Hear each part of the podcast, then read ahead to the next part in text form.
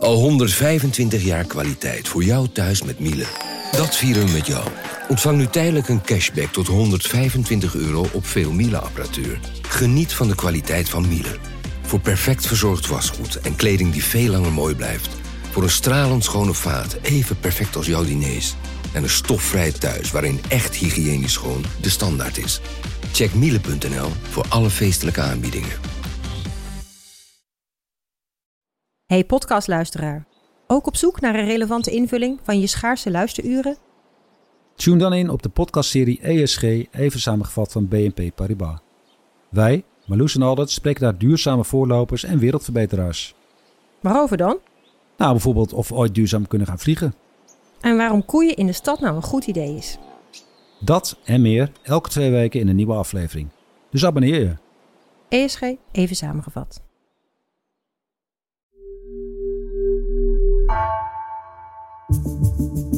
Vanaf de redactie van NRC het verhaal van vandaag. Mijn naam is Floor Boon.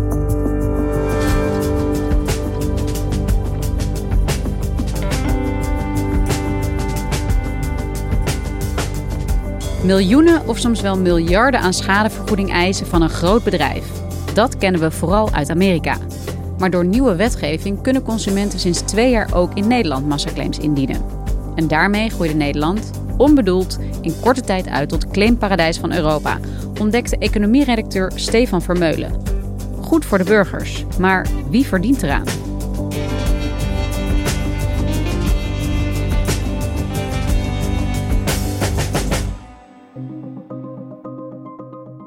Eerder deze week werd bekend dat er een claimstichting in Nederland is opgericht die een rechtszaak begint tegen eigenlijk een van de grootste bedrijven ter wereld, namelijk Apple. En in latere instantie willen ze ook Google gaan aanpakken. Dat is een stichting die opkomt voor alle smartphone-gebruikers. En die hebben allemaal te veel betaald, jij en ik dus ook, voor onze apps. Als je een app in de App Store downloadt, dan betaal je daar 30% commissie voor. Deze stichting zegt ja, dat is veel te veel. Apple heeft veel te veel macht. Hè. Je kunt niet op een andere manier zo'n app kopen. Dus die 30% commissie, ja, dat is eigenlijk illegaal om dat zo van je klanten te vragen. Die stichting, daar zit een bekend gezicht achter. Dat is Alexander Klupping, een bekende mediaondernemer, ooit oprichter van het bedrijf Blendel onder andere. Dus jij dacht, ik kom even bij Apple en Google 1 miljard euro eisen. Onze stichting, ik doe het niet alleen. Maar, ja, het komt het wel op neer. In totaal in Nederland, sinds het begin van de App Stores, gaat het om een miljard dat Apple verdiend heeft. Een soort techbelasting die ze erop hebben gelegd. Die, dat je niet doorhebt als consument, maar die je stiekem wel betaalt. Het interessante is, deze massaclaim is niet de eerste in Nederland. Het is wel de eerste die eigenlijk de aandacht trekt. Deze stichting eist 1 miljard euro van Apple namens smartphone-gebruikers. En daar werd ook al meteen duidelijk dat daar een grote buitenlandse procesfinancier achter zat. En toen dachten wij op de economieredactie van hé, daar zit misschien wel meer achter van hoe werkt dat nou eigenlijk? Het interessante is dat zo'n stichting die begint dus met het verzamelen van een grote groep burgers en gaat dan namens uh, die burgers een claim indienen. Het zijn bedragen die we eigenlijk tot nu toe alleen kenden uit het Amerikaanse rechtssysteem. Hè. Eh, ik sprak een advocaat die gaf het voorbeeld van een vrouw die haar hondje in de magnetron heeft gedaan en dan de magnetronfabrikant voor miljoenen dollars gaat aanklagen. Het klassieke Amerikaanse voorbeeld is dat toch? Exact, dat soort verhalen kenden we in Nederland natuurlijk helemaal niet, maar het begint hier ook op te komen. Ja, want hoe gaat dat precies? Hè? Je hebt het over in dit geval een claim tegen Apple. Een bekende persoonlijkheid die zich aan zo'n stichting verbindt. En die is dus op zoek naar allerlei andere burgers die bereid zijn zich als slachtoffer op te werpen. Volgens de wet waaronder deze claim wordt ingediend, moet je een uh, dusdanige verzameling gebruikers, uh, klanten van een bedrijf hebben die ja, eigenlijk alle klanten kan representeren. En dan mag dus die stichting namens de achterban tegen zo'n bedrijf gaan procederen. En het gaat dus over een wet, zeg jij? Ja, het gaat inderdaad over een wet. Dat is de Wet afwikkeling massaschade in collectieve actie, wat dan juristen de WAMKA noemen. Die is in 1 januari 2020 is die in Nederland in werking getreden. En die wet liep eigenlijk vooruit op nieuwe Europese regels die het makkelijker moeten maken voor gedupeerde consumenten om tegen grote bedrijven op te treden. Aanleiding daarvoor was het Schumel-dieselschandaal in Duitsland met name. Boze autobezitters, een miljardenclaim en een nieuw woord Schumel-software. Volkswagen heeft een probleem sinds gebleken is dat de autosoftware liegt over de uitstoot. En toen heeft de Europese Commissie op een gegeven moment gezegd van ja, we moeten eigenlijk een wet hebben die het makkelijker maakt voor consumenten om dit soort bedrijven die frauderen, die eh, klanten benadelen, om die massaal met massaclaims uh, ja, aansprakelijk te stellen. En waarom is die wet er eigenlijk om dat recht bij individuen en bij consumenten te leggen? Waarom niet bijvoorbeeld via de overheid die zo'n groot bedrijf kan aanpakken? Nou, dat gebeurt natuurlijk ook wel. Hè. Je hebt toezichthouders met name die uh, zowel Europees als op nationaal niveau uh, bedrijven kunnen aanpakken. Maar het is natuurlijk ook belangrijk dat jij als consument ook een, een, een positie hebt als je benaderd wordt door een bedrijf. En jij als smartphone-gebruiker hebt natuurlijk geen enkele poot om op te staan als jij bij Apple aanklopt en zegt van sorry, ik wil graag over die 30% onderhandelen. En jij zegt, dit is eigenlijk in samenspraak met Europese regelgeving naar aanleiding van het dieselschandaal. Betekent dat dit, deze wet ook in allerlei andere Europese landen van kracht is? Nou, het interessante is dat het zich volledig in Nederland begint te concentreren eigenlijk sinds die regels zijn versoepeld. Dat was eigenlijk tot nu toe nog niet zo duidelijk. Dus dat hebben we nu in beeld gekregen door ons onderzoek. In andere landen is dit, gelden de Europese regels uiteraard ook. Nederland is dus eigenlijk met de wetgeving uh, daar voorop gaan lopen. Uh, maar wat je ook ziet is dat dus heel veel van dit soort stichtingen van zaken van Europese consumenten nu in eerste instantie in Nederland voor de rechter worden gebracht. Omdat eigenlijk uh, advocaten en andere betrokkenen die zien van ja, dat Nederlandse rechtssysteem, dat is eigenlijk wel gunstig. De kosten van het aanspannen van een rechtszaak zijn relatief laag.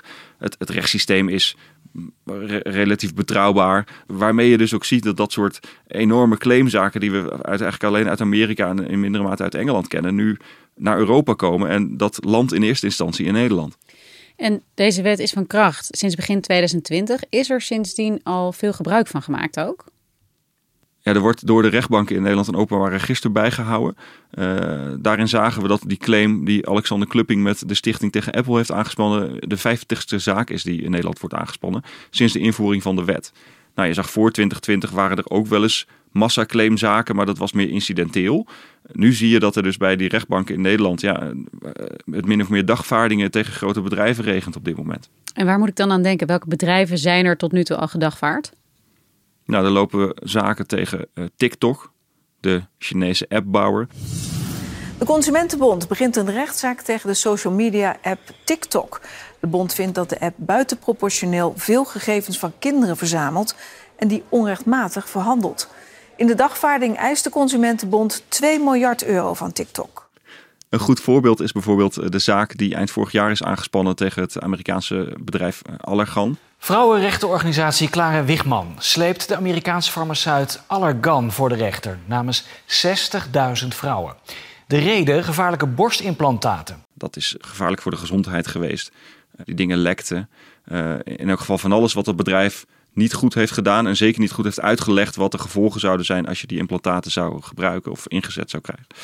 Um, Daarvan is nu een stichting die zegt: ja, wij gaan namens die tienduizenden vrouwen die hierdoor benadeeld zijn, een zaak starten en schadevergoeding eisen. Dit is een procedure die je als vrouw heel moeilijk in je eentje kan doen. Hè? Het in je eentje opnemen tegen een grote fabrikant. Maar dat kan wel in de miljoenen gaan lopen. Die hele zaak bij elkaar, als je nagaat dat het er 60.000 zijn, eh, is een hele grote schadevergoeding die we gaan vragen bij de fabrikant. Airbus, de Europese vliegtuigbouwer, lopen een aantal uh, claimzaken tegen. Uh, Airbnb loopt een zaak tegen. Dus het gaat echt. Nou, we noemden net Apple al natuurlijk. Er loopt een zaak tegen een reeks autobedrijven vanwege het Schumel-fraudeschandaal. Dus je ziet dat echt de grote machtige partijen hier wel worden aangesproken.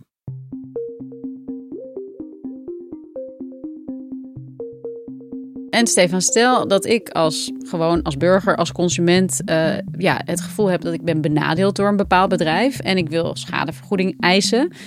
Hoe doe ik dat dan? Waar begin ik? Hoe zorg ik er dan voor dat mijn zaak ook uitgroeit tot een massaclaim? Je begint met het oprichten van een stichting. En die stichting heeft financiering nodig.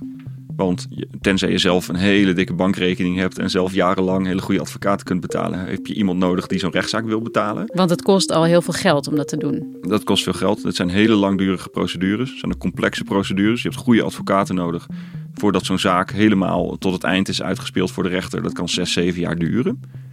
Dus je begint met een stichting. Uh, vervolgens moet je op een of andere manier eh, andere consumenten aan jou binden, zodat je een groep krijgt. Hè. Dan moet je zeker 10.000 mensen hebben, waardoor je dus ja, de klanten van een bedrijf kunt representeren. Die moet je verzamelen door op internet lawaai te maken over je stichting. Uh, of zoals Alexander Klupping heeft gedaan, in de media optreden en zeggen dat je het bedrijf gaat aanpakken. Ja, dat helpt natuurlijk om ja, medestanders te vinden. Ja, maar het klinkt wel nog steeds als behoorlijk hoogdrempelig. In de zin van als ik echt als individu probeer iets aan te spannen, dan heb ik dus ofwel een hele dikke beurs nodig, ofwel heel erg veel uh, media-aandacht, uh, voordat ik dat allemaal bij elkaar heb verzameld. Ja, het is nog steeds een vrij langdurig, complex proces. Desondanks is het nog steeds makkelijker dan wanneer jij in je eentje via een civiele procedure hier bij de rechtbank in Amsterdam of waar dan ook in Nederland Apple wil aanspreken. Want dan kom je op hetzelfde probleem dat je heel lang in zo'n proces zit, dat je hele goede advocaten nodig hebt, want die heeft de tegenpartij ook. En dat je dan ook heel lang aan het procederen bent. En dan sta je alleen. Dus dan is de kans dat je een vergoeding krijgt voor het feit dat jij een commissie voor je appjes hebt betaald, is veel kleiner.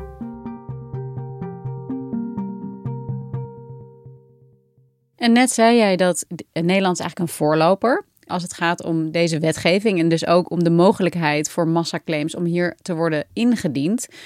Wat betekent dat eigenlijk? Wat we vooral zien is dat buitenlandse investeerders die uh, dit soort processen doorgaans financieren, en dat eerder met name in de VS en in het Verenigd Koninkrijk deden, die hebben Nederland eigenlijk ontdekt als een soort claimparadijs, waarbij ze denken dat ze eigenlijk veel geld aan deze rechtszaken kunnen verdienen. Een claimparadijs. Uh, Nederland heeft ook al een uh, niet zo heel erg positieve naam uh, als een belastingparadijs. Ja, is dat vergelijkbaar? Hoe moeten we dat zien? Het is in die zin vergelijkbaar dat het een, deze nieuwe wet en deze opkomst van de massaclaims een trek van buitenlands kapitaal naar Nederland heeft veroorzaakt. Het hele model is erop gestoeld dat deze investeerders eerst alle kosten op zich nemen. En dat kan echt in de miljoenen lopen. Dat gaat over de inhuur van advocaten. Het gaat over financieren van de hele campagne rond zo'n uh, stichting. Het, strikken van gebruikers, het contact houden daarmee. En in ruil daarvoor, ja, als die zaak dan uiteindelijk tot een schadevergoeding uh, komt, dan kunnen die investeerders tot een kwart van het uitgekeerde bedrag claimen. Waarmee ze dus, hè, reken maar even uit, het gaat dus vaak om miljarden claims. Ja, dan blijft er toch aardig wat aan de strijkstok hangen voor de procesfinancier lucratieve business, kan je zeggen, voor uh, kapitaalkrachtige bedrijven of investeerders die hier een manier in zien om nog meer geld te verdienen. Uh, dat klinkt ook eigenlijk als een verdienmodel. Ja, het grappige is dat hoe lucratief het precies is, weten we nog niet. Want dit is zo nieuw in Nederland dat er nog geen enkele massaclaimzaak volgens deze nieuwe wet, of onder deze nieuwe wet, tot, tot een goed einde is gebracht. Dus ja, die investeerders nemen in de zekere zin een gokje. Ik sprak een advocaat die zei, ja, het is beleggen in een rechtszaak. Um, dus of Nederland echt een claimparadijs gaat worden, zal de komende jaren moeten blijken.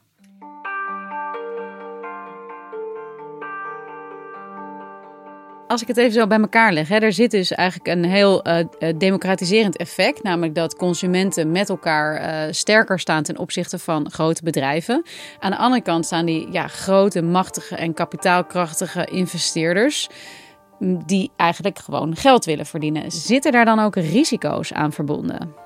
Nou, als je met advocaten spreekt die dit soort grote bedrijven bijstaan, die zeggen van ja, er is zeker wel een risico, want uh, die stichtingen, ja, je weet nooit helemaal precies wie erachter zit. Het wordt, er is ook in Nederland geen toezicht op. Uh, dus de contracten die met zo'n financier bijvoorbeeld zijn getekend, ja, dat, dat ziet niemand. Dus er is een risico dat er op een gegeven moment een stichting komt. Je hebt op een gegeven moment de stichting loterijverlies gehad. Die de staatsloterij in Nederland probeerde met een massaclaim aan te klagen. Ja, dat is helemaal misgelopen. Dus er zijn wel advocaten die zeggen... ja, er is wel een risico dat er een keer een financier van een stichting... met al het geld vandoor gaat. Ander risico is dat er ook wel overbelasting van het rechtssysteem dreigt hier. Er zijn in korte tijd zoveel van dit soort massaclaims ingediend. Het gaat nu om een stuk of 50 binnen twee jaar tijd. Uh, en een van de aspecten die het zo arbeidsintensief voor rechtbanken maakt, is het feit dat in heel veel zaken zich verschillende stichtingen melden die een claim willen indienen. Dus wat je nu ziet gebeuren is dat die rechtbanken dan in eerste instantie een procedure moeten gaan voeren om uit te maken welke stichting de consument als geheel mag gaan vertegenwoordigen dat zie je in de Apple-zaak, heeft zich al een tweede stichting gemeld. In een aantal andere zaken, tegen TikTok, lopen drie stichtingen die een miljardenclaim willen indienen.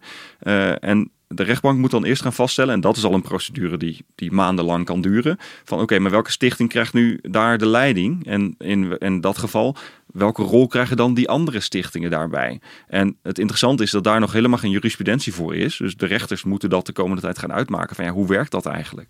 Ja, en uh, dat die stichtingen zo graag uh, degene willen zijn die die claim indient, is dat dan ook een reden dat in dit geval bij Apple dat ze bekend iemand als Alexander Klupping hebben gevraagd? Juist omdat hij makkelijk toegang heeft tot de media, veel mensen kan aanspreken en daarmee ook misschien wel de meeste consumenten achter zich kan scharen? Ja, zeker. Nou is het wel zo dat hij zichzelf ook al jarenlang echt uh, openlijk geërgerd heeft aan die enorme commissies. Dus zijn motieven, ja, daar hoeven we echt niet aan te twijfelen. Dus hij is daar actief bij betrokken en heeft ook de kennis en kunde. Maar hij is ook een uithangbord naar de buitenwereld. En dat maakt vervolgens de kans groot dat de rechter zegt, ja, die club die gaat deze zaak tegen Apple uh, uh, in eerste instantie voeren.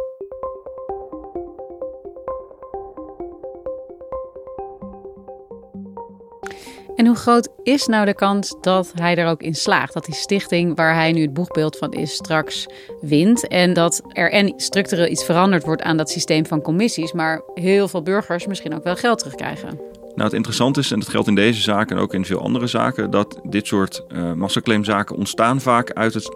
Het begint ergens met dat een toezichthouder heeft gezegd: hier is iets misgegaan. En bij Apple, eh, die, Apple ligt natuurlijk al jaren onder vuur vanwege die commissies. Er zijn natuurlijk ook toezichthouders die hebben Apple daarover op de vingers getikt. Dus er is een dossier te bouwen waarbij toezichthouders hebben gezegd: van ja, kijk, dit gaat gewoon veel te ver met die commissies. Dus met dat dossier onder de arm stapt deze stichting en overigens ook die concurrerende stichting straks naar de rechter en zegt: van kijk eens even hier en hier en hier in dit en dit land is gezegd: Apple uh, misbruikt haar marktmacht. Nou, dan zijn wij als consument benadeeld. Dus wij willen daar toch wel een vergoeding voor zien. Uh, dat lijkt redelijk kansrijk, ja. En Clupping, die uh, doet dit omdat hij het belangrijk vindt, maar houdt hij er ook nog wat aan over? Hij doet het zo gezegd om niet. Uh, hij heeft uh, een bedrag van 50.000 euro gekregen. Ik vroeg hem natuurlijk van, ja, wat krijg je, verdien je er zelf eigenlijk aan als we het toch over verdienmodellen hebben? Uh, toen zei hij, ja, ik heb wel een bedrag gekregen, maar ik geef dat weg aan het journalistieke platform Follow the Money. Alexander Klupping doet het echt om niet. Oké, okay, dankjewel Stefan. Graag gedaan.